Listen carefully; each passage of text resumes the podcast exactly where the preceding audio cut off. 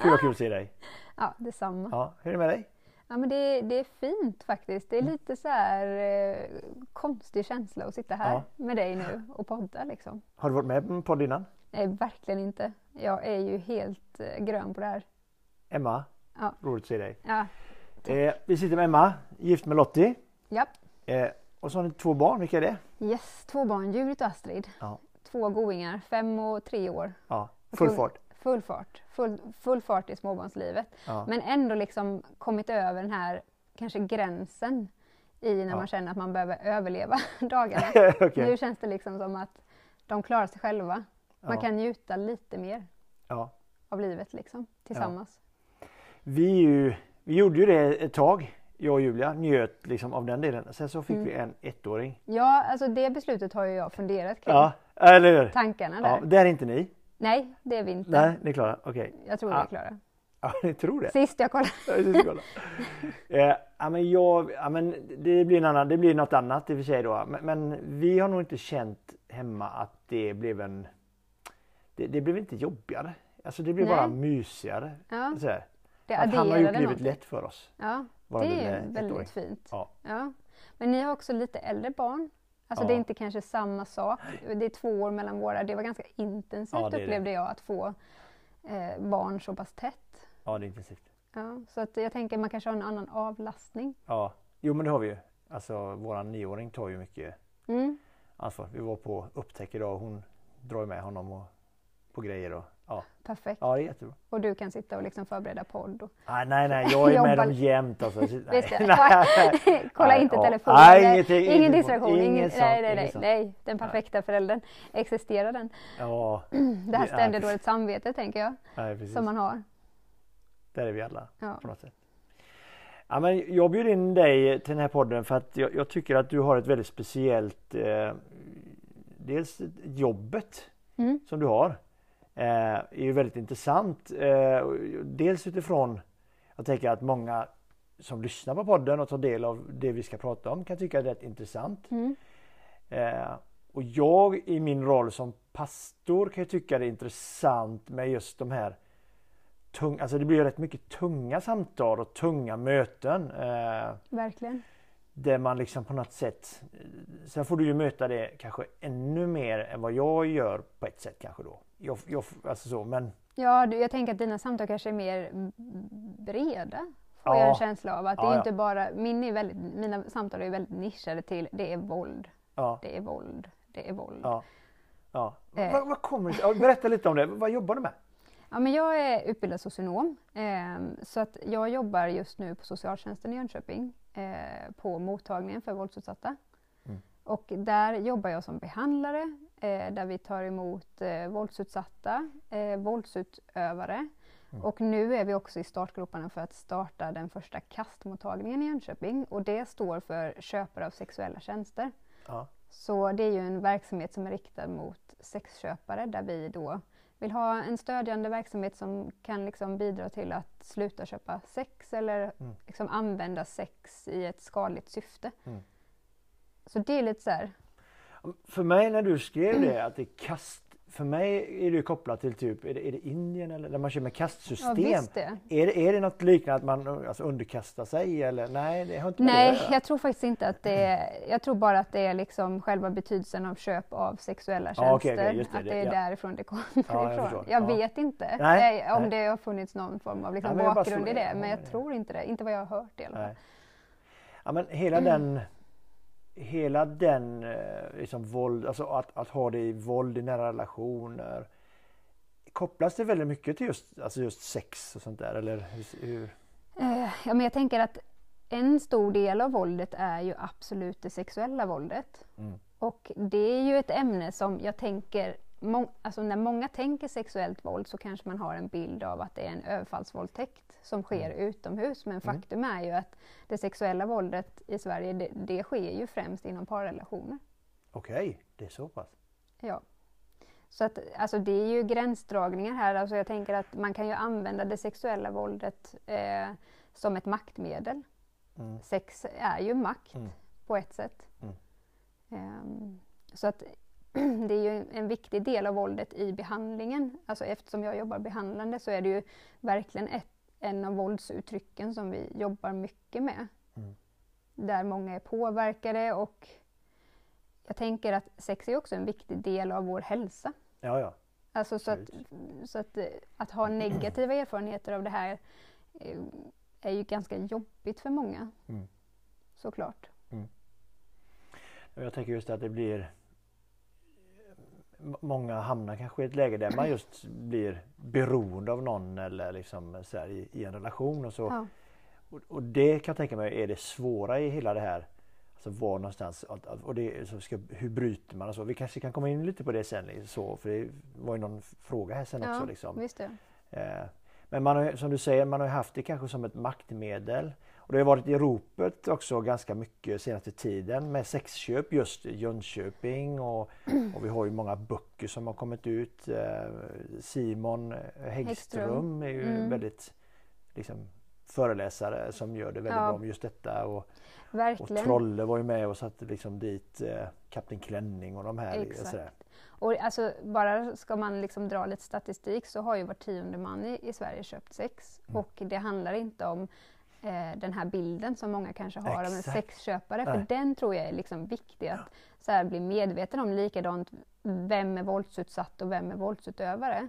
Alltså, det är, nog- det är vanliga människor. Mm. Det är liksom inga speciella typer som du kan screena av och sätta i ett fack. Utan det här är liksom eh, familjefäder, de är poliser, de är inom sjukvården. Alltså det, det är gemene man. Mm. Alltså det, det finns ingenting som liksom utmärker dem med att de har en lapp i pannan. Liksom. Eh, Ja, det, det tror jag, alltså gängse bilden är det. Att det är den här fula gubben liksom. exakt. Som ute. Men det har man Med ju... skinkläder, typ. Ja, med skinkläder. Ja, liksom, så, va? blåa tajta brallor. Ja, liksom, exakt. så man Liksom, bara, ja. där, där har vi han. Men Liksom. de, de är inte alls... eh, Det är inte alls det du ser då? Nej. Liksom, som. Nej, och, och jag tänker också att det här är ju en nystartad verksamhet. Vi har ju knappt kommit igång så att det är svårt att säga hur det kommer liksom eh, vara i, i Jönköping. Men det jag vet är ju också att, att åldrarna i de som köper sex har sjunkit. Alltså att vi ser allt fler yngre män framför allt Mm. som köper sex. Och det är också en viktig målgrupp att nå. Liksom. Hur når Ja. vi barnen idag? För att vi ser ju också att liksom, porr blir jätteviktigt att prata Mm. eh, när, när vi kommer in på de här ämnena. Eh, I genomsnitt är det liksom en tioåring idag Mm. som börjar kolla på porr eller får tillgång till porr Ja. via mobiltelefoner. Ja, det är helt sjukt. Och det är ju galet. Alltså hur, hur kan vi stoppa de, den utvecklingen? Mm. För att det här skapar ju helt liksom snedvridna bilder i Mm. unga pojkar framför allt, men det är också flickor liksom. Men det, det skapar ju liksom snedvridna bilder, eller ideal säger man kanske, av vad sex ska vara. Ja. Är det, vi, vi pratade i en annan podd här eh, lite grann om hur, hur man liksom framställer sig själv. Vi var inne på det här med självbild och hur man liksom Mm. framställer sig. Eh, kan man se det, nu ställer jag bara en öppen fråga, men, men kan man tänka hur, var någonstans har samhället som vi har ett ansvar i hur vi tänker och ser och rör oss bland människor?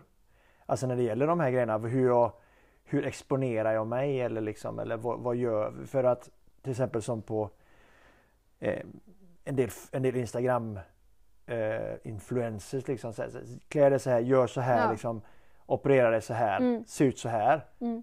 Eh, nu ska inte jag dra det strecket att det är liksom lika med, alltså, det är inte det som är boven i dramat kanske, men jag vet inte riktigt. Nej, Vad- men jag tänker du? absolut att, att det påverkar. Ja, Alltså, vi har hela tiden strävan efter att vara någon annan känns det som. mm, Alltså vi vill se ut som någon annan, vi vill vara som någon annan. Vi, vi blir ju hela tiden liksom bombarderade med eh, egentligen budskapet att vi inte räcker till. mm, Eller att vi inte är goda nog. mm, Ehm, och det, jag tänker såklart att det påverkar självbilden, det påverkar självkänslan, det påverkar självförtroendet hos barn idag och unga. Mm. Och det gör ju någonting med en. Vad gör jag? Hur mycket anpassar jag mig för att bli omtyckt? Mm. Vad behöver jag göra för att folk ska tycka om mig? Mm. Jo, jag ska klä mig på det här sättet, jag ska rätta in mig i det här ledet. Alltså, jag tänker att det är skadligt. Mm. Samtidigt som att så här, ja, men det är den tekniska utvecklingen. Eh, jag, jag vet att jag kommer brottas med när, när, när Judith, då, vår dotter, ska få sin första telefon. Ja. Alltså jag har redan ångest Ja, men för jag, det. jag, liksom. ju- vi är ju där i vår Ja. familj. Liksom. Ja. Och bara så här, här, här har du en telefon och här öppnar sig hela Ja. världen. Ja. Alltså jag känner så här, hur ska jag kunna skydda mot det? Nej. Hur, alltså jag- ja, det, det är en utmanande tid för föräldrar tänker jag generellt också. Men vi måste prata. Ja. Vi måste prata om, våga prata om porr, vi måste våga prata om sex, vi måste våga prata om att de här människorna inte ser ut som de gör Ja. på de här bilderna. Alltså Nej. det här är liksom en fantasi och verk... Alltså det är så mycket filter också. Jag, Ja. jag tänker att, att, att jag som vuxen kvinna blir påverkad av det här. Ja. Hur ska då min givetvis. liksom, åttaåring sen inte kunna bli påverkad? Men, men hur ska man då tänka? Alltså hur, hur... För, för jag, jag kommer ju från ett eh, lite kristet perspektiv i det Mm. här ibland ju. Liksom, där Okej, ibland har ju kanske kyrkan varit med all rätta då kanske liksom, eh, så här att sex är fel och så här, Ja. så här hela tiden. Samtidigt så har man ändå haft ibland en tanke att liksom att men kyrkan har ju alltid varit f- tidiga med vänta liksom, äkt, Mm. äktenskap och sånt där, äktenskap och så. Men det har ju varit en, en vilja kanske då att hjälpa mer kanske ungdomar eller så här att hur ska jag förhålla mig till min, alltså det här med sex och förhålla mig till relationer och så här. Och det kan jag ibland tycka ibland att det, där har kyrkan alltid varit. Mm. Eh, och medan då kanske det som har hänt lite utanför kyrkan nu, om man får säga så, Mm, har, ju, ja, ja. har ju speglat någonting annat. Mm. Tidig debut och Ja, liksom snabbt in på det och porren och, och det ska hjälpa dig framåt och sådär. Mm. Och det har ju kyrkan fått lite skit ibland för det. Mm. Eh, och nu står man ändå i ett vägskäl där. där. Men, nu säger jag inte att, att alltså kyrkan säger detta, liksom, Nej, nej. vi, vi har gjort jättemycket fel i detta med. Jag, Ja. jag vet ju det också. Jo men så är det ju, alltså så är det verkligen. Mm. Men någonstans, eh, hur tänker du kring det? Så här, hur ska man förhålla sig till det? Samtidigt så, man vill ju inte skuldbelägga människor Nej. heller ju.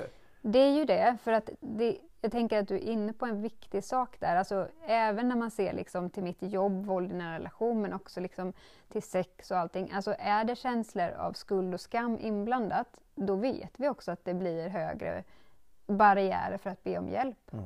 Alltså våld i nära relation är ju en skamproblematik för alla inblandade egentligen. Ja. Alltså när man tänker både den våldsutsatta men också den som utövar våldet och också för barnen. Alltså det här blir en familjehemlighet som alla liksom håller på. Jag tänker det är likadant med känslan skuld. Har vi känslor av skuld då vill vi kanske inte heller bara basunera ut att vet du jag har gjort fel här. Nej. Så jag tror kanske mer det handlar om att hur skapar vi trygga relationer, barn och vuxna, så att barn vågar komma till vuxna.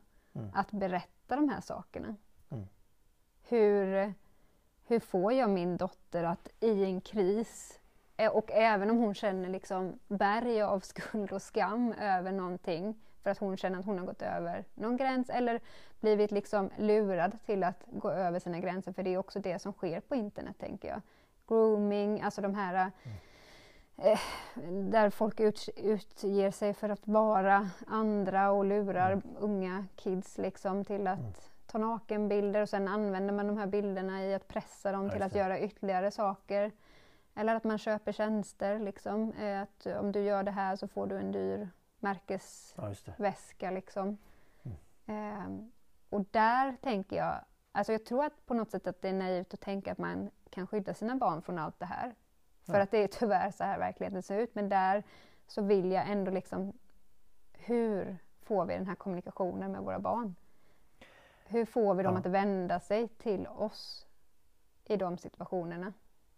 Jag har inget svar på det. Nej, nej, det- Eh, men, det- men är jag tänker att där tror jag kärnan ligger mer Ja. eh, än olika liksom, förbud och åldrar och så vidare. Men det är klart, det, det ska ju finnas ramar också. Men ja, ramar är ju till för att brytas för många barn ja, också. så blir det också. Så, Absolut. eh, det kan ju också vara provocerande när Ja. man får för mycket regler och för mycket Ja, liksom. Ja, jag, vet nej, men, inte om nej, det var men, svar, nej, men, men, nej, men vi är nog inte ute efter svaret kanske. Men, nej, men eh, nej. Det, det är spännande att bara lyfta det liksom. För, Ja. att, för att jag som liksom, eh, jag är inte uppväxt i kyrkan men jag har ändå liksom levt i den miljön lite. Har ju hela tiden haft den här eh, förhållandet till, till det liksom. Ja, ja, samhällets, förstår. samhällets sätt att se och så kyrkans sätt och så har vi Mm. krockat lite ibland. Ja. Och, så här, och jag kan nog mer och mer som känna att vi möts lite Ja. mer. Mm. Dels Ja, att kyrkan då kanske blir lite mjukare på ett sätt och lite mer inbjudande och samtidigt som att, eh, om man nu får säga samhället då, eller Ja. om du förstår vad jag menar Ja. då, eh, kanske inser att ja, men det här med lite gränser är nog bra. Mm. det, I längden kanske Ja. man vinner på det. Absolut. Eh, utan att ge skuld och skam. Då. Ja, För det, det, ju- det, är vill- det som är viktigt, tänker Ja. jag. Alltså, eh, liksom både från samhället och kyrkans perspektiv. Hur, hur avlastar vi från skuld och skam eh, i de här frågorna? För att det, det, ja, Mm. det skapar kanske inte det här förtroendet. Nej. hos unga idag som jag, jag verkligen ser att vuxna behöver få för att komma in i deras värld på något sätt. Den här podden den heter ju eh, Syns du så finns du Ja, med ett frågetecken. ja exakt. Hur- Många hur- frågetecken. Ja, många ja, men, eh, hur tänker du kring eh, när du läste det, när du förstod att det var podden, vad den handlade om? Hur tänkte du då? Om du ens tänkte något? Ja, men jag, jag tänker ju att på ett sätt är det väl en del av eh, samhället idag. ja. Alltså, vi har redan varit inne på det egentligen, men vi alla strävar efter att bli bekräftade. Mm. Och det här samhället göder på något sätt den känslan av att vilja bli bekräftad, få de här snabba kickarna. Mm. Eh, vi lägger upp en bild, hur många likes får vi? Mm. Eh, vad genererar det här i? Är det någon som retweetar min tweet? Allt, alltså Ja. det här är liksom, det här snabba, eh, den här snabba bekräftelsen. Eh, Ja. Vi kan inte liksom vänta Nej. på något sätt. Eh, Nej, det är vi dåliga på. det är vi dåliga på. Ja. Vi har inte tålamod. Nej. Det har vi Eh. verkligen, och det gäller liksom hela jättemånga instanser i samhället. Alltså, Ja, vi, ponera att vi ska åka på skidläger. Ja. Och så är det då fyra stycken som går i sjuan och får åka med skidlägret. Så det är en som går i sexan som är kompis med dem som inte kan åka med. Och det här, den här liksom jag kan inte vänta till jag går i sjuan utan jag är ju kompis med dem. Jag går Just ändå i sexan. Jag, Mm. jag, och föräldrar liksom, ja, men vi nästan begär att de ska få åka med. Ja, men Mm. Vänta, nästa år är din tur. Liksom. Mm. Där är ju även föräldrar. ja, ja. Jag kommer säkert hamna där själv. Ja. Alltså, men de är ju kompisar, man vill inte att de ska hamna utanför Nej. hela den här problematiken då. Mm. För att vi delar in dem i, Mm. som vi gör. Mm. Så blir det ändå det här, du får vänta på din tur. Liksom. Alltså titta bara hemma, du vet, är ju, ibland är det huggsexa om chips och godis. Så. Jo, jo. Eller filmer, alltså, ska, har ni valt film någon gång? Det går ju inte ibland. Nej, nej, nej. Nej, nej, nej. Nej, men alltså absolut. Och jag tänker på något sätt att det också har med vår privilegierade värld Ja. att göra. Alltså att, att vi är vana att, att få saker Ja. och vi är vana att liksom eh, kunna köpa oss till Ja. det vi vill. Ja. Och någonstans är, jag vet inte, jag tänker också att det är en del i att det skapas ohälsa. Ja. ja, utan tvekan. Liksom. Utan tvekan. Man, man kan ju inte köpa, Nej. alltså det, det, är ju, det är ju klyschigt men man kan ju inte köpa lycka liksom. Det går inte. Alltså så. Och- och jag tror att det är, vi, vi har det så gott ställt. Vi, vi tänker också att våra liv är de mest viktiga i hela världen. Ja, ja. Som inte jag får ha sex med den personen som jag önskar. Exakt. Om man nu ska gå in på. Ja. Ja. men då tar jag det istället. ja, då köper För att- jag ja, den köper tjänsten den för att jag, har- tjänsten. jag har rätt Eller våldför mig då Ja. i en relation. Då. Och sen skapar man kanske ursäkter, för det vill jag ändå liksom tänka att, att människor som använder våld eller köper sex, alltså det är också människor som lider. Det är också ett liksom perspektiv som jag ändå vill ha med mig som behandlare Mm. för att möta de här personerna. För att jag tänker att alla människor har olika förutsättningar in i livet. Mm. Eh, och vi är en vi är på ett sätt ett resultat av det som vi har varit med om. Och Mm. ponera till exempel då, om, om man pratar våldsutövare, eh, så kan man ju se till exempel att så här, 80% har någon form av psykisk ohälsa. Eh, 80 har ungefär varit med om våld i sin barndom. Eh, 55% kanske har blivit försummade av sina föräldrar. Alltså de här siffrorna är ju talande och det är ingen Mm. ursäkt såklart Nej. för att man använder våld. För alla har ett val om man använder våld. Det är ett val att använda våld. Men det säger någonting Mm. om den här psykologiska Ja. ryggsäcken som vi alla bär. hur mycket den ändå liksom påverkar de besluten vi tar och hur vi lever våra liv. Mm. Vems ansvar är det? Är det skolans ansvar? Är det för mig som familj eller alltså, var någonstans? Vem ska ta de här tunga liksom? Jag tänker sociala medier och allt det här. Vem? Ja, alltså jag, jag tänker att det blir liksom som någon form av kedja i samhället. Ja, alltså jag tänker det. att alla Just på det. något sätt måste ta den här, Ja. det här ansvaret. Alltså jag som förälder har ett jättestort ansvar i Kanske att störst liksom påverka andra föräldrar också till att så här, men kan vi gå ihop? Kan vi se till att eh, barnen inte får sina telefoner förrän de är tidiga? Alltså jag vet Mm. inte, man, man kan ju göra mer än Ja. vad man kanske tror också Ja. många gånger. Men sen tänker jag såklart, skolan har väl en jätteviktig del i det. Liksom. Mm.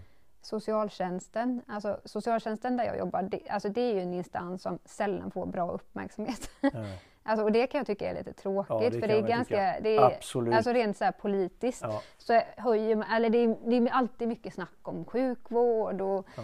polis och sådär, men socialtjänsten nämns nästan aldrig i politiska debatter och det kan jag Nej. känna är så här, alltså vi, vi gör så mycket. ja. ja, jag vet det. Alltså så, det, det, ja, så det är också, nu vet jag inte riktigt, nu kommer jag in på en sidospår här. Nej, men alltså, någonstans hänger det ihop den här kedjan och vi har ju alla en del. Ja. Du är inne på socialtjänsten, familjen, kanske skolan har du varit inne på. Jag kan också tänka, ja, men vi som håller på med idrott, Ja. om man nu gör det. Där läggs ju väldigt, det läggs mer och mer fokus på Mm. det, eh, hur vi behandlar men väldigt mycket har ju varit liksom, ja men vi fokuserar på våran idrott.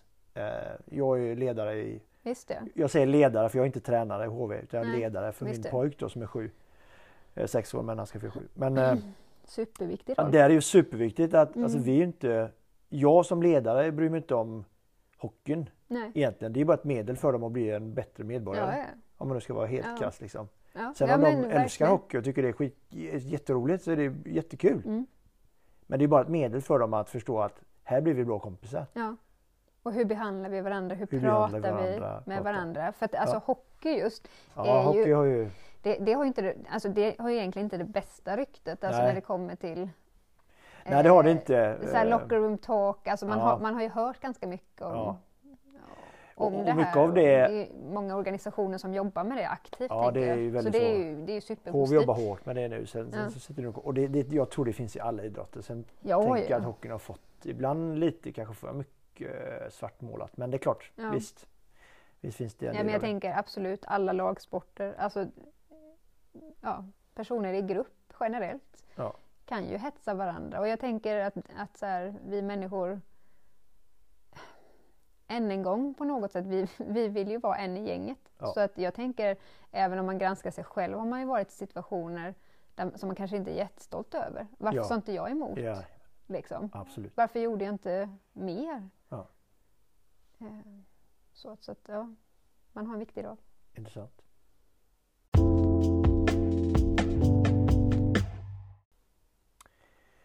Eh, ja, men du, du jobbar ju med detta då. Mm, Eh, du, du sitter med de här samtalen. Eh, vad, vad möter du för typ av människor där? Alltså är det barnen eller är det utövarna eller hur, hur ser det ut? Ja, men, eh, Och hur kommer de till dig? Förlåt. Ja, men hur kommer de? Ja, det, det är ju en jätteviktig fråga tänker jag. Alltså, det kan ju vara att man hör av sig själv, alltså till mottagningen och söker hjälp. Det kan också vara att det kommer från andra instanser. Mm. Alltså, det kan ju vara vårdcentraler, ehm, skola, alltså att, att det kommer in från barn och ungdom till exempel. Alltså att det har kommit in en orosanmälan kring, kring våld och då kan vi få in ett sådant ärende. Så det kan vara ganska brett, men en del ringer själva och, och säger att jag behöver hjälp, jag behöver stöd. Ehm, och så är det mina kollegor som gör en utredning och fattar beslut om, om stödsamtal. För jag är liksom egentligen sista ledet i det här Okej, som har själva liksom behandlingskontakten, då, det är den längre kontakten.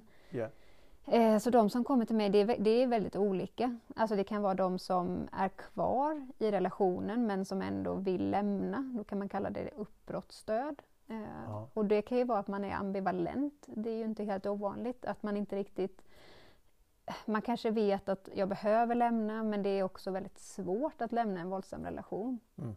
Eh, och det är jätteviktigt att ha respekt för det för det, Det är ju så här, gemene man kan ju känna så här, men varför lämnade hon inte bara då? Varför gick Ja, hon inte? Ja. Alltså, hon får skylla sig själv. Ja, och det, så tänker man del. Ja, eh, och då tänker jag att det är viktigt att ha kunskap om våldet i att det är liksom väldigt komplexa processer. Alltså, om man tänker att eh, du och Julia till exempel, ni är tillsammans. Ja. Mellan er finns det bindningar. Mm. Det är liksom band som binder er Mm. och de är ju starka. Men i och med att det är en sund relation så blir de inte lika starka som när det är en våldsam relation. Då Nej. skapas det traumatiska bindningar. Okej, Och det, det. har liksom med att det ofta är en växling mellan våld och värme. Ja, just det. Alltså att det blir som en våg Mm, kan man säga. Där man växlar beteendet och det är ju extremt förvirrande såklart för den som är utsatt. Ja. Eh, och det blir också en form av normalisering eh, där våldet normaliseras in i relationen. Ja. Vilket också medför att ens gränser för vad som är okej och inte, de suddas ut. Mm. Och det är ju sällan så här en, ett förhållande inleds och så får man ett eh, knytnävsslag Ja, efter en vecka. Utan Nej. det här är ju liksom någonting som smyger sig in. Och ju mer man också investerar i en relation, Ja. desto svårare är det ju att lämna. Jag tänker det skulle krävas mycket för att du skulle lämna Julia. Ja, oh alltså, ja, oh ja. jag tänker, även om hon skulle gjort någonting ganska dåligt. Ja, Liksom. Eh, och här blir de här bindningarna, ibland så här bara för att så visualisera så kan jag tänka ett så här rep som hänger ner i en gympasal. ja. Att du ska det. försöka att klippa av det Ja, det med en liten sax. Ungefär så, bild faktiskt, ja, ja. men alltså, ungefär så svårt det. är det att lämna. Liksom. det. Och det tror jag är viktigt att ha respekt för.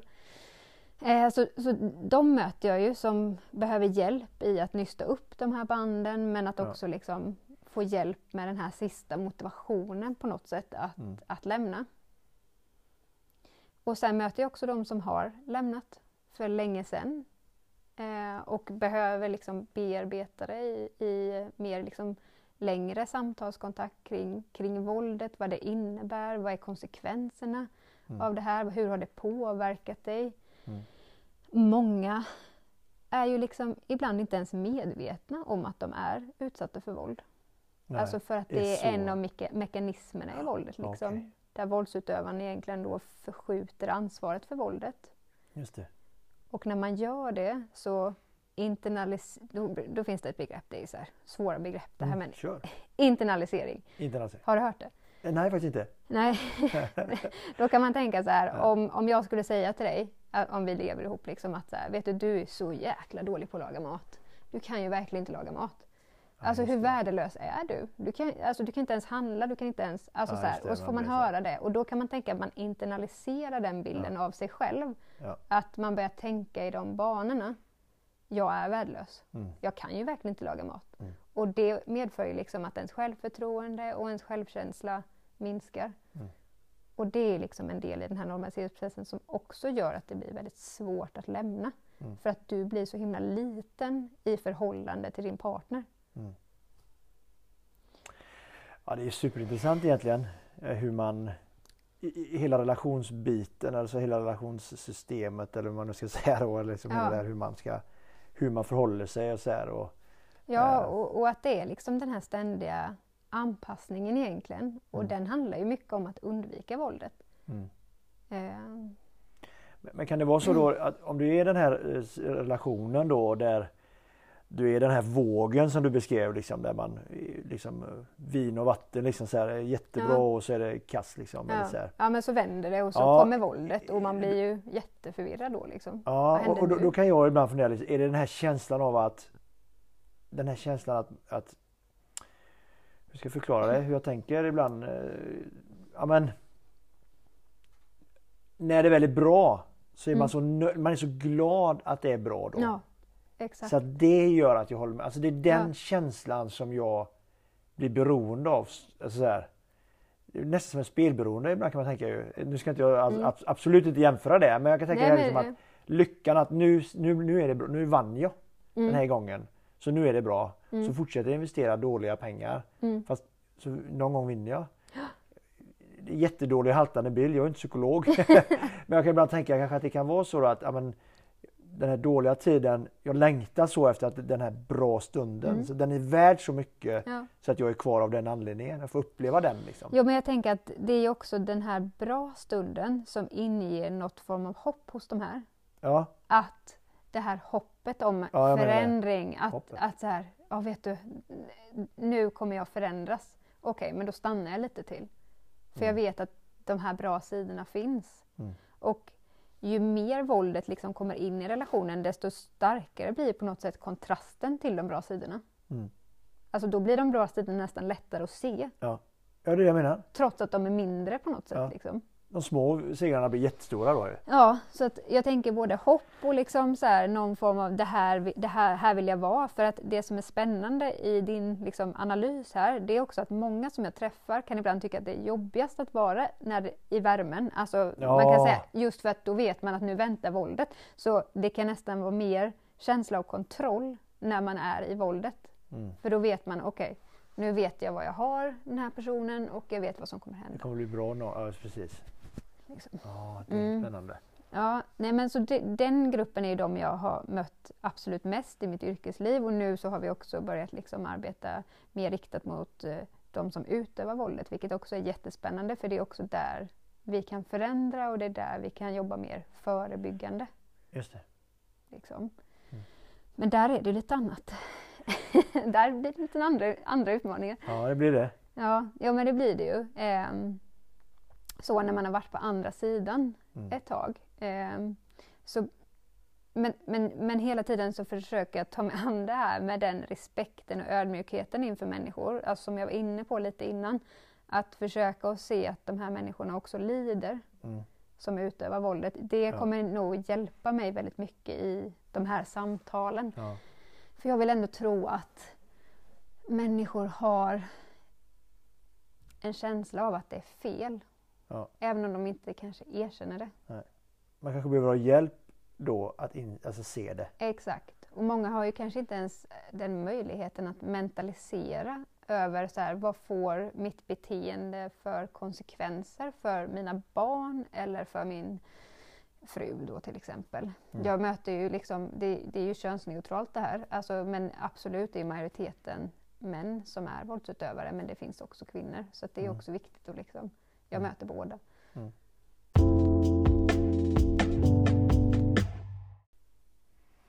Nej, men, eh, någonstans hamnar du i ett läge där kanske försvarsadvokaten hamnar. Alltså man Ja. sitter med någon som man förmodligen vet är mördaren Mm. men det finns ändå ett människovärde Exakt. i personen. Ja. Och det kan jag tänka mig, den försvarsadvokaten får ju väldigt mycket kritik för det kanske i, för den som inte är insatt. Är du, skulle du vara rädd för att få det i så fall? Att någon som tänker, men hur kan du liksom sitta och... Fast de får inte reda på det kanske att du ens sitter med de personerna. Eh, För du har ju tystnadsplikt. Ja, jag har tystnadsplikt. Mm. Exakt. Ehm, du tänker om de våldsutsatta får eller veta? Ja precis, ja, Ja. exakt. Ja, det är det. Eh, ja. Ingen, annan får veta. Det Nej, exakt. Eh, och det där är ju det där kan ju vara svårt liksom, men eh, vi skulle ju aldrig informera någon utan samtycke i och med sekretessen. Men det kan ju vara ett par som söker hjälp till exempel. Och då tänker jag att eh, om de ger samtycke till att vi som socialtjänst får prata med varandra så kan ju det hjälpa Mm. dem också. Men någonstans är när man jobbar också med de som utövar våldet så är det viktigt att jag kan ju bara, jag kan bara leverera mitt jobb. Jag kan aldrig egentligen veta hur det landar Nej. eller vad det ger för konsekvenser. Mm. Eh, vill den här personen fortsätta använda våld så gör den ju det. Mm. Alltså jag kan ju bara försöka att liksom ge nya perspektiv, få dem att inse kanske att det är våld. För att det är väl egentligen det många gånger det handlar om. Mm. Att vad är, vad är våld? Vad är våld? För många i samhället kanske också har en bild av att det är fysiskt våld, det är när man slår någon och där stannar det. Ja, Men mer. våld är så mycket mer. Ja. Liksom. Det är ju psy- psykiskt våld, det är sexuellt våld, det är ekonomiskt våld, det är materiellt våld, det är latent våld, det är försummelse. Ja. Så det är också en del av det här, en stor del av liksom mitt jobb är ju det psykoedukativa arbetet. Mm. Alltså att lära ut, Mm. att förklara. Så här ser vi på våld. Det här är våld. Kan du känna igen dig i något av det här? Kan det hända att du har slagit näven i väggen och att det kan ha skapat en rädsla? Mm. Okej, det kanske är en ingång då. Mm. Till Ja. ett vidare samtal. Ja, det är jättespännande. Så det är verkligen jättespännande jobb och ibland tungt. Jag förstår. Så. Men jag tänker att, att både du och jag möter de här tunga samtalen och på något sätt så är det ju, alltså det är konstigt men det, Ja. det, ger, ju, det ger ju en sjukt mycket också. Ja, Liksom. det gör det. Ja, men det gör det absolut. Alltså, det- man, man känner att man man, gör en dit, nytta liksom. också. Att man Ja, på något sätt... det, det. kanske är det. Ja. Att man känner sig, man känner sig viktig. ja. Samhällsviktig. Exakt, det är ändå en skön Ja, känsla. men det, det är ju därför jag gör det jag gör med kroglivet och jobbar med det. Det, det är ju liksom, det är ju, jag, jag känner att jag gör, jag tycker att jag gör samhälle, en, samhällsnytta. Det, det, Ja. det är ett område jag känner mig, det. det kan jag göra liksom. Mm. Som min del. Sådär. Ja, och det är ju hur bra som helst. Ja, Alltså, det, är så fint. absolut. Ja. Och jag känner att jag gör det också för jag får de här samtalen. Mm. Ehm, Sen, sen har jag ju som du sa i början här ganska brett spektra liksom. Ja. Du sitter ju bara med detta så att eh, i, princip eh, så. Ja, jag föreläser lite också. Det är bra att ha liksom någonting annat Ja, eh, som inte bara... nej, för då Eh. får du lite frågor också. Exakt. Då Så får jag kan- frågor. ja. Ja. Och eh, man får liksom en annan publik Mm. än de här traumatiserade ja, personerna. Ja. Men, men okej, ponera att det kommer någon och, och eh, vi, säger att det kommer någon och sätter sig hos dig då och säger ja men jag, jag är utövaren liksom. Ja. Hur behandlar man det? Är det bara samtal? Är det KBT eller vad har du i din verktygslåda? Ja, nej men alltså jag, jag tror man kommer väldigt långt på respekt och att skapa liksom en allians. Mm. Det är liksom min grundsyn. Alltså kan jag skapa en, en allians med en person så tror jag att den personen kommer att våga öppna sig, Mm. att våga blotta sig. Mm. Alltså om den känner sig trygg med mig, oavsett om det är liksom en utövare eller våldsutsatt eller en sexköpare, så, tänker jag att relationen är bärande. Mm. Ehm, och nej, alltså jag är ju bara socionom. Mm. Men jag har jobbat med våld i nära relation i, vad är det nu, åtta år. Så Mm. att jag har ändå liksom ganska mycket att, alltså luta mig på. Och sen har jag ju liksom gått utbildningar som är riktade mot våld och liksom hur man motiverar eh, människor till att göra olika saker Ja. och sådär. Kan jag ibland använda i mitt äktenskap också. Ja, det Så. är perfekt. Nej, jag ska. Eh, Nej, men så att jag tänker att eh, min, mitt mål är ju såklart att vidareutbilda mig så småningom till Mm. kanske psykoterapeut eller sådär. Men i nuläget så är det min grund och ja, det är där jag... Många som lyssnar här, eh, vi vet ju inte vilka som lyssnar, som kommer nej, att lyssna. nej, eh, exakt. Är ju kanske en, eh, har en, familjesit- en sund familjesituation Ja, där ändå det kan finnas mycket frustration över familj, Mm. alltså barn och Ja, jag kan bara titta på mitt eget liv, Ja, liksom, hur arg jag kan bli och vad jag gör om med den ilskan. Nu är jag inte på något sätt sådär. Nej, Men alltså det här med det är 100%, Hur ska jag ja. liksom eh, förhålla mig till den då? Alltså, det, det kan också vara en del som sitter och tänker Visst på det. det. Var, kan man skäll, får man skälla på dem? Eller, Ja. liksom, får man slå handen i bordet? Eller, vad, alltså, Ja, Vad- nej, men det är ju gränsdragningar och Ja. jag, jag tror ju att mycket handlar om, är vi medvetna om våra handlingar och eh, vad, vilka konsekvenser det skapar Mm. för barnen. Alltså, jag kan bli arg, jag kan smälla i en dörr, jag kan känna att nu har jag gått över en gräns. Ja. Men det som händer i mig då, det är att jag får dåligt samvete och att jag direkt går till barnen, Exakt. sätter mig på deras nivå ja. och ber om ursäkt för att det blev som det blev, att jag har gjort fel. Eh, Ja. Men det var för att jag var arg. Alltså jag Mm. försöker liksom att föra in väldigt mycket känsloprat Mm. eh, till mina barn. För att jag funkar så också som människa. Alltså jag har väldigt mycket känslor, jag har känslor utanpå. Jag är så här, känner in Ja. Rum, jag känner in stämningar. Alltså det, det är ju någon så här HSP jag har liksom. Eh, Ett personlighetsdrag Ja, liksom. Nej, men, så jag tror att det är viktigt. Hur pratar vi Ja. om känslor? Ja. För jag tänker, jag vill ju säga till min femåring att det är helt okej att bli arg. Men det är fortfarande inte okej att slå till någon Nej. bara för att man är arg. Nej. Utan då behöver du liksom hantera det på ett annat sätt. Ja. Jag vet inte, tänker, vad tänker du? Nej men jag, alltså, jag, jag kan ibland, jag tänker, jag tänker som du. Ja, Eh, såklart eh, de gångerna man blir arg eller man eh, liksom så här, att man hamnar i det läget, det dåliga samvetet. Det är väldigt skönt att det finns. ja. Det är väldigt bra att det exakt. finns. Ja. är nedlagt. ja, liksom. tack, tack för det. Eh, samtidigt så kan jag ju förstå min eh, nioåriga dotter när min sexåring är på henne liksom Mm. och, och liksom slår på henne lite och nyper henne och retas och så här. Jag kan förstå att hon vill ge honom en smäll liksom. Ja. Eller man kan förstå det Ja, rent, alltså så, verkligen. mänskligt sett. Ja. Eh, och när hon 100%. gör det så kan man ibland känna så här, ja men du får skylla, alltså lite grann, Ja, skylla, ja. du får skylla dig själv. Och Absolut. samtidigt tycker jag att ja, men det är bra att du står upp för dig själv lite Ja. i den relationen. Ja. För det kan ju vara, nu, ska, jag- nu motiverar inte jag henne eller Nej men Jag alltså, vill jag inte att vad ska slå menar. honom. Ja, ja. Nej men det är ju att markera sina gränser. Ja men lite så här.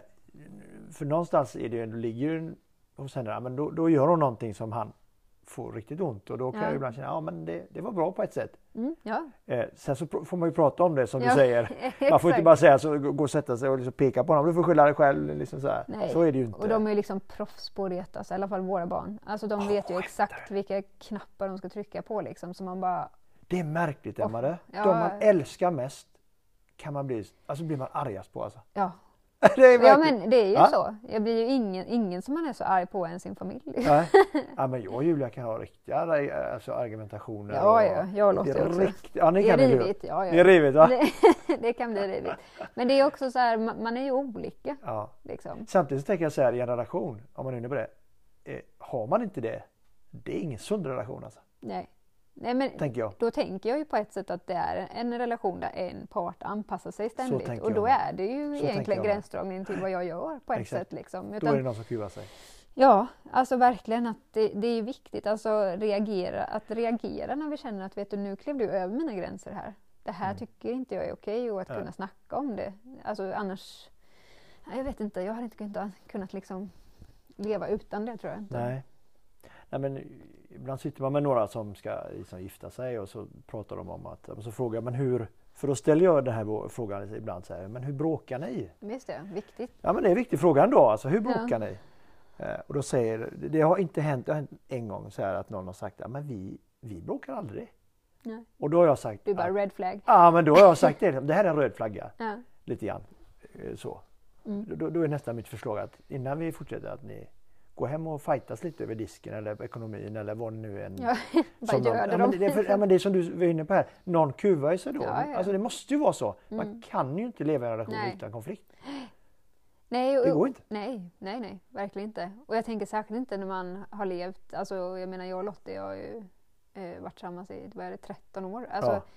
Det hade varit väldigt kon- Ja, det har varit jättekonstigt. konstigt Alltid om glada. det är friktionsfritt Ja. och härligt. Och Och det är det ju inte. nej, nej, nej, nej, det är ju Nej. ett kämp. Alltså det, är ett är kämp. ju ett kämp att få ihop familjelivet Ja, det är och det. att liksom ha det bra. Alltså det är också så många krav från olika delar i samhället som påverkar en. Liksom. Ja. Och det tror jag, ja, där tänker jag också att vi alla har ett ansvar i att inte försköna livet. Nej. Alltså sådär att, som det blir, genom en Instagram-lins. Alltså Ja. det kan jag känna mig bidragen till också. Jag lägger inte upp fula bilder och när vi står och Jo, bråkar men du, lägger, upp- i när du är ute och cyklar i ösregn ju. Det, Nej, men- Den är ju underbar när du cyklar där liksom. Ja, visst, ja, bild, film. Ja, ibland försöker jag få in det. Ibland, ibland försöker jag.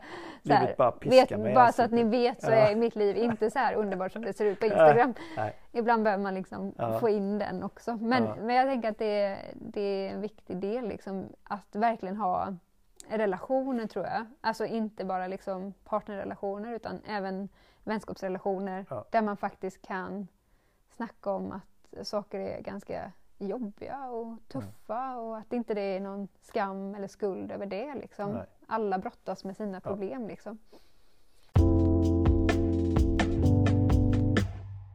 Jag har också en berättelse kring det här. Mm, okej. Eh. För att när jag var 10 år Mm. så blev jag eh, hemlurad av en kille. Som Okej. var 18 år. Ungefär ja, mellan 16 och 18 år. Nej, jag kanske inte var 10, jag kanske var 9 då. Ja. Eh, jag bodde på Donsö. Mm. Han erbjöd mig godis. Hur mycket godis eh, som helst. Mm. Om du följer med mig hem. Och jag var bara 9 år kanske. Mm. Och jag älskar godis. Ja. Eh, och jag var borta på fotbollsplanen. och jag följde med honom hem på hans moped. Okej. hem till honom. Mm. 16, 17, 18 Ja. år kanske. Ja. Någonting. Och vi eh, hamnar i, i och ska se på han undrar om vi ska se på film. Mm. Och vi ser på film och det är en karatefilm som inte alls är för barn. Nej, Inser jag direkt. just det. Eh, och jag märker att han börjar göra närmanden på mig. Då. Mm. Eh, och det, är, det här är väldigt personligt. Ja, jag har delat med mig av den här berättelsen så det är inte så att nu kommer den liksom, nu är alla med. Nu, oj vad Nej, hände? Det visste nej. vi inte. Nej. Långt från alla vet om den. Mm. Men, men han börjar göra, han börjar liksom ta mig på magen och, Mm. och, så här, och han frågar hela tiden hur, hur jag mår eller hur Mm, känner du? Är du rädd? Frågar han. Kommer Ja. jag ihåg. Det är ständig fråga. Liksom, är du Mm. rädd? Så här. Och jag bara, nej jag försöker få, liksom, jag vill inte så här. Nej, Eh, du försöker ändå markera. Ja absolut, ja, ja men, jag, liksom. jag, jag, är som, men jag förstår ju, alltså, jag är nio år så jag, jag förstår liksom att det här är fel. Mm. Samtidigt så har jag svårt just med det här att det blir ett övergrepp då ju. Mm. Ja, verkligen. Eh, så, så har jag svårt liksom hantera vad är det som händer. Jag, Ja. jag, jag kan så känna igen mig i många barn. Nu, nu gick det inte så långt ska jag säga. Nej. För att jag har ju eh, min mamma då. Mm. Hon snappade ju upp att, för hon, hon undrar varför inte jag kom hem. Så hon Så hon åkte bort till fotbollsplanen och frågade om jag kom. Ja men han åkte med, nu vet jag vad han heter, jag säger inte det. Nej, nej. Eh, honom hem. Mm. Eh, och då fattar hon att ja, men den här killen är inte, det är inte hundra, att, alltså det, det känns fel, 9, Mm. 16 Mm. känns fel. Ja. Så hon åkte hem till honom eh, och knackade på och jag minns det så väl hur någon knackar på. Ja. Så förlösande det var Ja. att någon knackar på. Hon går in Lättnaden, där, ja, ja, liksom. hon går in där och liksom bara bryter alltihop. Eller hon, och, och så. Jag, jag, kom, jag minns faktiskt inte hur det hanterades sen. Eh, nej, för jag det tänker... var många, många år sedan. Ja. Så jag vet inte riktigt hur... hur eh, Vågade du berätta det för din nej, det gjorde jag inte. Nej. Jag berättade inte. Nej. förrän Och där lång- har du lång- ett sånt exempel. Ja, liksom. Just den känslan Ja. som offer ofta känner, alltså just skamkänslan, fast det inte är deras ansvar. Ja, men jag, jag brottades med liksom det här att som, som alla tänker, ja, men det var inte så farligt ändå. Det var bara en hand eller, eller så. Mm. Mm. Och det är ju ett övergrepp. Det är ett jätteövergrepp. Ja. Bara, att- bara att vi sitter där så, liksom, i hans soffa hemma hos honom. Mm. Jag är nio och han är liksom Ja. 16, 17, 18 Ja, år. Eh, eh, i, den, I den situationen. Mm. Så att jag, jag kan förstå de som hamnar i det läget. Eh, Och jag tänker att, att det är ju så olika också hur man reagerar i ett övergrepp. Mm. Alltså det här frozen and fright eh, Mm. är ju ett tillstånd som man inte kan rå över. Alltså Nej. Till exempel då vid ja, men sexuellt våld, att, att många bara hamnar i frys och inte kan röra sig. Mm. Att de blir paralyserade. Det är ju kroppens liksom på ett sätt överlevnadssystem. Mm. Och där får man då frågan sen, skulle man anmäla det här så får man frågan i rätten, men varför gjorde du inget motstånd? Alltså det är Mm. ju bara brist på kunskap. Ja. Det här är liksom en ren överlevnadsinstinkt. Ja. Du kan inte liksom. Parera det och nu i ditt fall så hade du ändå liksom en viss handling så att Ja, det du kunde liksom Ja, skjuta undan. Och jag, jag men han frågade att- två, tre gånger ändå sen, på rad sådär. Ja. Han kom, handen kom två gånger till sen. ja. Men eh, Och det här har du ju liksom haft med dig hela livet. Ja, ja. Jag tänker vad det liksom får för ja, men effekter om Ja, man säger, i människans liv. Alltså Ja. det, det, det skapar ju någonting Absolut. som man bär med sig resten av det livet. gör det absolut. Sen har jag ju inte haft, det, det blev aldrig, eller det blev det ju, eftersom jag pratar om det nu så blev det ju ett trauma för mig. Ja. Annars hade jag inte pratat om det nu. Nej, exakt. Men det, det blev väl inte riktigt, alltså jag, jag, jag, jag vet ju att människor var med om värre än det. Men för mig var det ju det värsta. Alltså, Ja, Den historien kan ju ingen ta ifrån mig. Nej, Liksom. Jag, jag jämför mig inte med att någon annan har varit med om värre så. Men nej. nej. Och jag tänker man kan heller inte jämföra det. nej, Man kan inte jämföra övergrepp med Nej, övergrepp för att det är fortfarande ett övergrepp. ja, det är sant. Mm. Och, och en viktig del i, i din berättelse är ju också den här maktobalansen. Alltså det finns ju alltid maktobalans i våldsrelationer men jag tänker också att den här åldersskillnaden, bara den är ju en maktobalans. Mm. Att som nioåring då få följa med en, en cool kille med moppe liksom. Mm. Alltså det är ju en beroendeställning, en maktställning Mm. redan från början. Mm. Som eh, är väldigt opassande.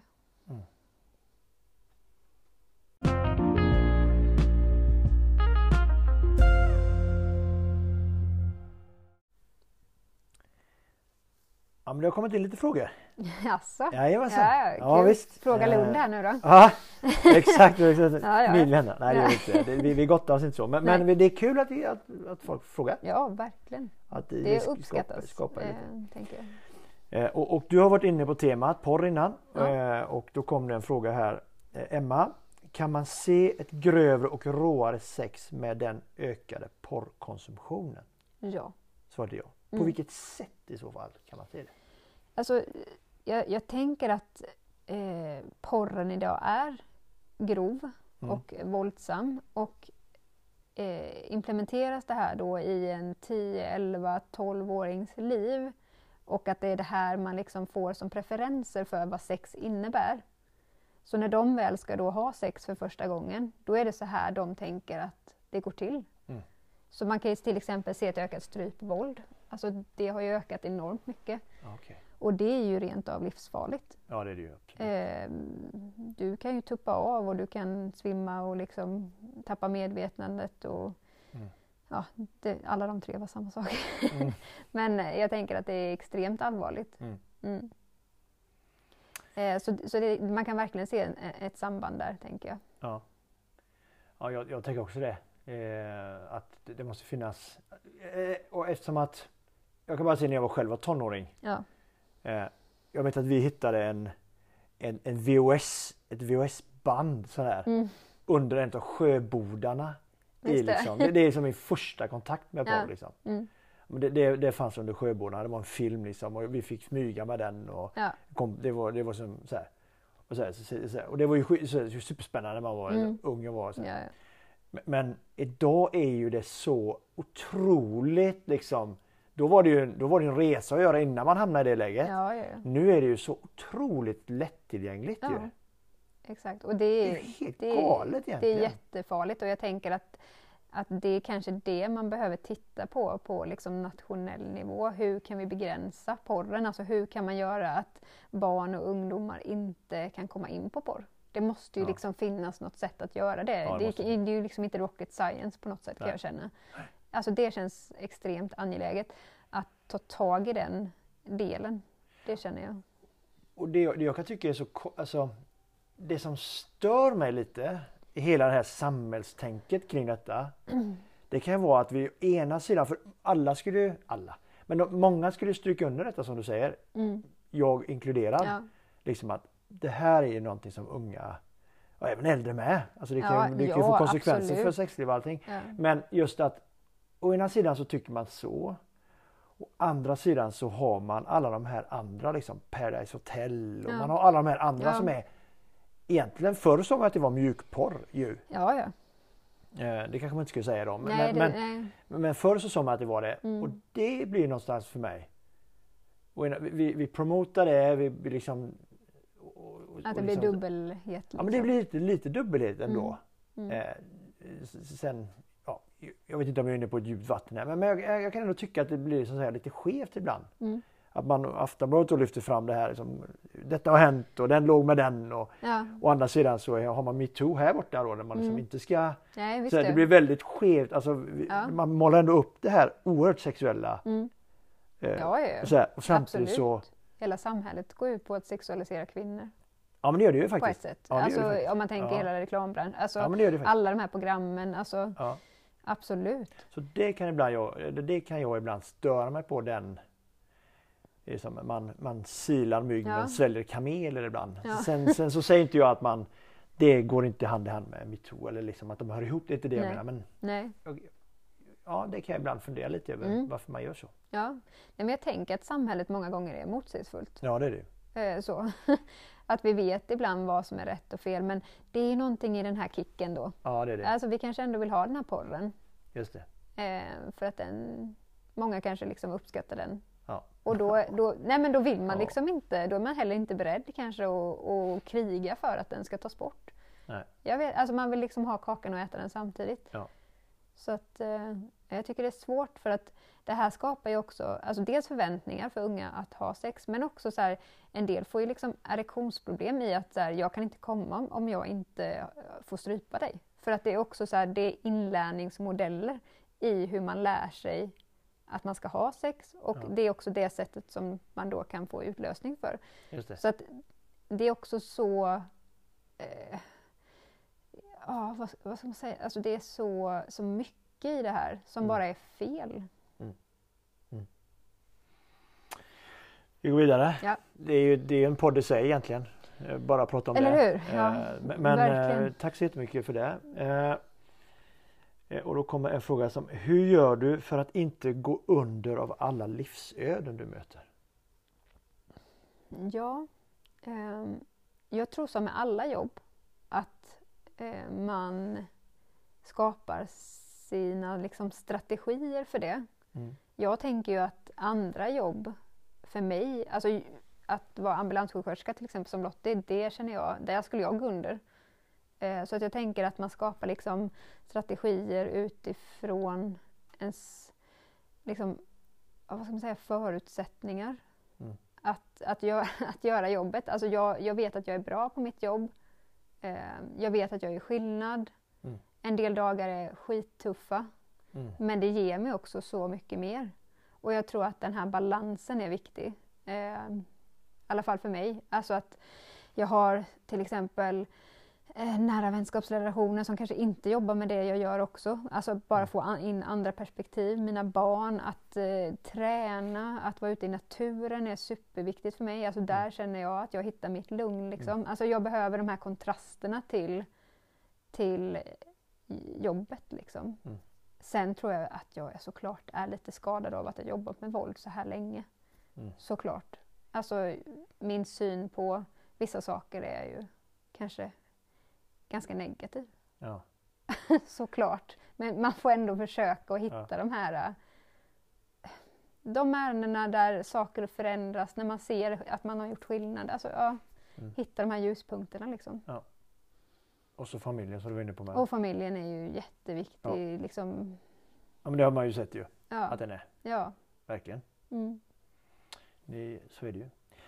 Eh, samtalar du med någon? Eh, nej. Eller vi har handledning en gång i Ja. månaden har vi. Eh, och då tar vi ju upp ärenden och Där får ni prata om ärendena. ja, exakt. För hon har ju också då sy- eh, sekretess. Just det. Ja, och hon är psykolog. Just det. Eh, så vår, vår handledning är jätteskön Ja. och den är befriande och det, det är toppen att kunna lyfta de här jobbiga sakerna. Mm. Eh, med, med någon i, i ett forum som är tryggt. Liksom. Eh, hur gör man om man misstänker att man är ett offer? Ja, alltså då tänker jag att man... Alltså det finns ju många olika aktörer man kan höra av sig till. Mm. Alltså Kvinnofridslinjen är ju en av våra största nationella linjer. Alltså som man kan ringa till anonymt och prata. Mm. Eh, och där skulle man ju kunna börja i att liksom nysta lite. Just det. För jag tänker, är man inne på att man kanske är ett offer så tror jag man har rätt Ja. i det. Ja. Och det tror jag är viktigt att ta på allvar. Att då är det någon signal i en som signalerar att det här jag är med om är fel. Mm. Och det tror jag eh, kan bli en viktig, liksom, eh, vad ska man säga, en viktig del att utforska vidare Mm. för den här personen i så fall. Och då kan man ringa Kvinnofridslinjen, man kan också ringa mottagningen för våldsutsatta i Jönköping. Om det är så att man bor i Jönköping eller, eller i det, den kommunen som man bor i. Mm. De flesta har någon form av mottagning för våld. Och så kan man bara liksom, förutsättningslöst ta ett samtal. Prata lite om en situation. Just det. Ja. Vi kanske ska lägga lite nummer i eh, beskrivningen ja, här just det. Det kan vi göra. i hur jag beskriver Bra idé. avsnittet. Ja. Ska vi lägga lite länkar där? Mm. Eh, Men, men som sagt, har man den känslan så tänker jag att den är rätt. Mm. Mm. Och det finns hjälp att få. det är jättebra. Mm. För det tänker jag att inte alla Nej, inser. nej. Eh, Och alla förtjänar att inte leva i våld. Ja, det stryker jag under på. Mm. Eh, vi var inne på det lite grann innan kanske också här. Eh, hur behandlar man en person som utför övergrepp och våld? Ja, alltså det är ju, eh, det är ju en jättebra fråga. Ja. Eh, men jag tänker att, att eh, mycket handlar om, som jag var inne på, dels att skapa den här grunden för att våga vara eh, sårbar. Mm. Eh, att på något sätt, alltså så här, om man ska förändra sig så behöver man också ha någon form av medvetenhet om att man har ett problem. Mm. Det behöver inte vara att man tillstryker att så här, jag är våldsutövare, jag har gjort det här och det här och det här. Men det kan vara, jag har problem med min ilska ibland. Att det är ingången. Finns Mm. inte den ingången, då tror jag inte att förändring är möjlig. Nej. Tyvärr. Utan någonstans så måste det ändå finnas någon form av insikt Mm. hos de här personerna. Och då kan man börja bygga där. Men vad var det som hände? Kan du berätta lite? Vad, vad hände innan det här? Vad, vad väckte det för känslor i dig? Alltså det våldet ibland kan handla om det är ju att man vill ha makt och kontroll över en människa. Mm. Och det som kanske är grunden till att våldet uppstår är ju ofta en känsla av vanmakt. Och då behöver man återuppta makten. När man hamnar i vanmakten. Är du med? Ja, när vi skriker på våra barn. Det Jag är ofta då, det, det, när jag skriker på mina barn, då, kan jag, då, då är det ju egentligen en känsla av vanmakt som Ja. jag hamnar i. Att jag känner att de lyssnar inte på mig. Nej. Jag är inte ens vatten värd. Alltså jag känner mig kränkt. Ja, kränk ja. Liksom. Ja. Och då måste jag höja rösten. Ja, ja. Är du med? Ja, jag alltså jag tänker att våldet på ett sätt, det, ja.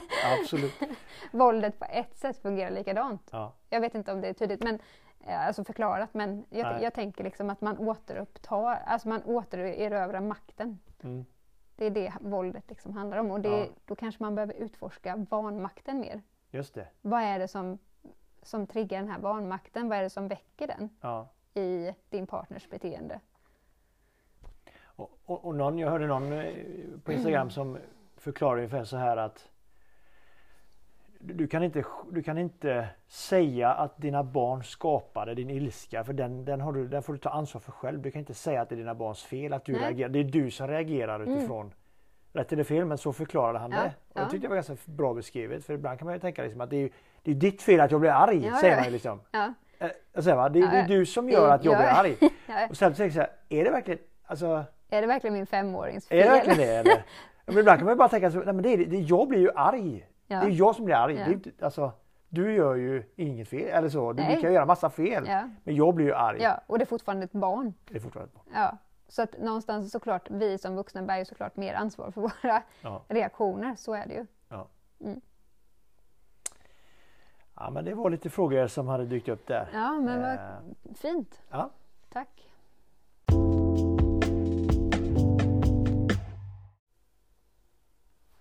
Emma nu summerar vi lite. Ja, spännande. Om summeringen. Ja, höra vad du har lärt dig. Eh, Ja, nej, men, nej, Nej, men jag tycker att det har varit jättespännande. Mm. Jag, jag tänker att många... eh, Jag kan ju bara gå till mig själv Mm. och tänka att det här är ju superviktiga samtal. Framförallt som förälder. Mm. Det sitter ju jättemånga studenter och lyssnar också Visst som ja. inte är förälder. Nej. Men som kanske har själva lever i det. Ja. Eh, relationer som är sunkiga liksom. Mm. Eller har vänner. ja, Det är också lika viktigt. Hur, hur ska man förhålla sig till eh, och just ja, hela den här tonårs, ungdom, unga vuxna, grupper. Mm. Hela det. Tänker att det här kan vara jättestor hjälp. Ja, ja jag hoppas, hoppas det. Ja. Mm. Så jätteroligt att, du- att du eh, ville komma hit. Ja, Eh, detsamma. Det var och, eh, superkul att sitta och snacka med dig. Vad, vad hade du för känsla när du kom hit? Nej, men jag hade lite smått panik faktiskt. ja, det hade du ja, ja, faktiskt. ja, jag hade ju det. Ja, Och, så, lite, lite adrenalinrush i kroppen och sådär. Men nu, nu känns det liksom eh, som att det, har, det, det är en härlig känsla efteråt. ja, Alltså det krävs ju ibland att man utmanar sig utanför sin comfort zone och det Ja. känner jag att jag har gjort idag. Och, eh, och kan det liksom bidra till att, att någon där ute får stöd eller hjälp eller bara liksom någon form av vetskap i hit kan jag vända mig i alla fall. Om jag skulle få den motivationen så tänker jag att det, det är värt. underbart. Det var värt det. Det tar vi med oss. Ja, tack. Emma, tack för att du kom hit. Ja, tack själv Daniel. Ha det gott. Samma. Hej. Hej.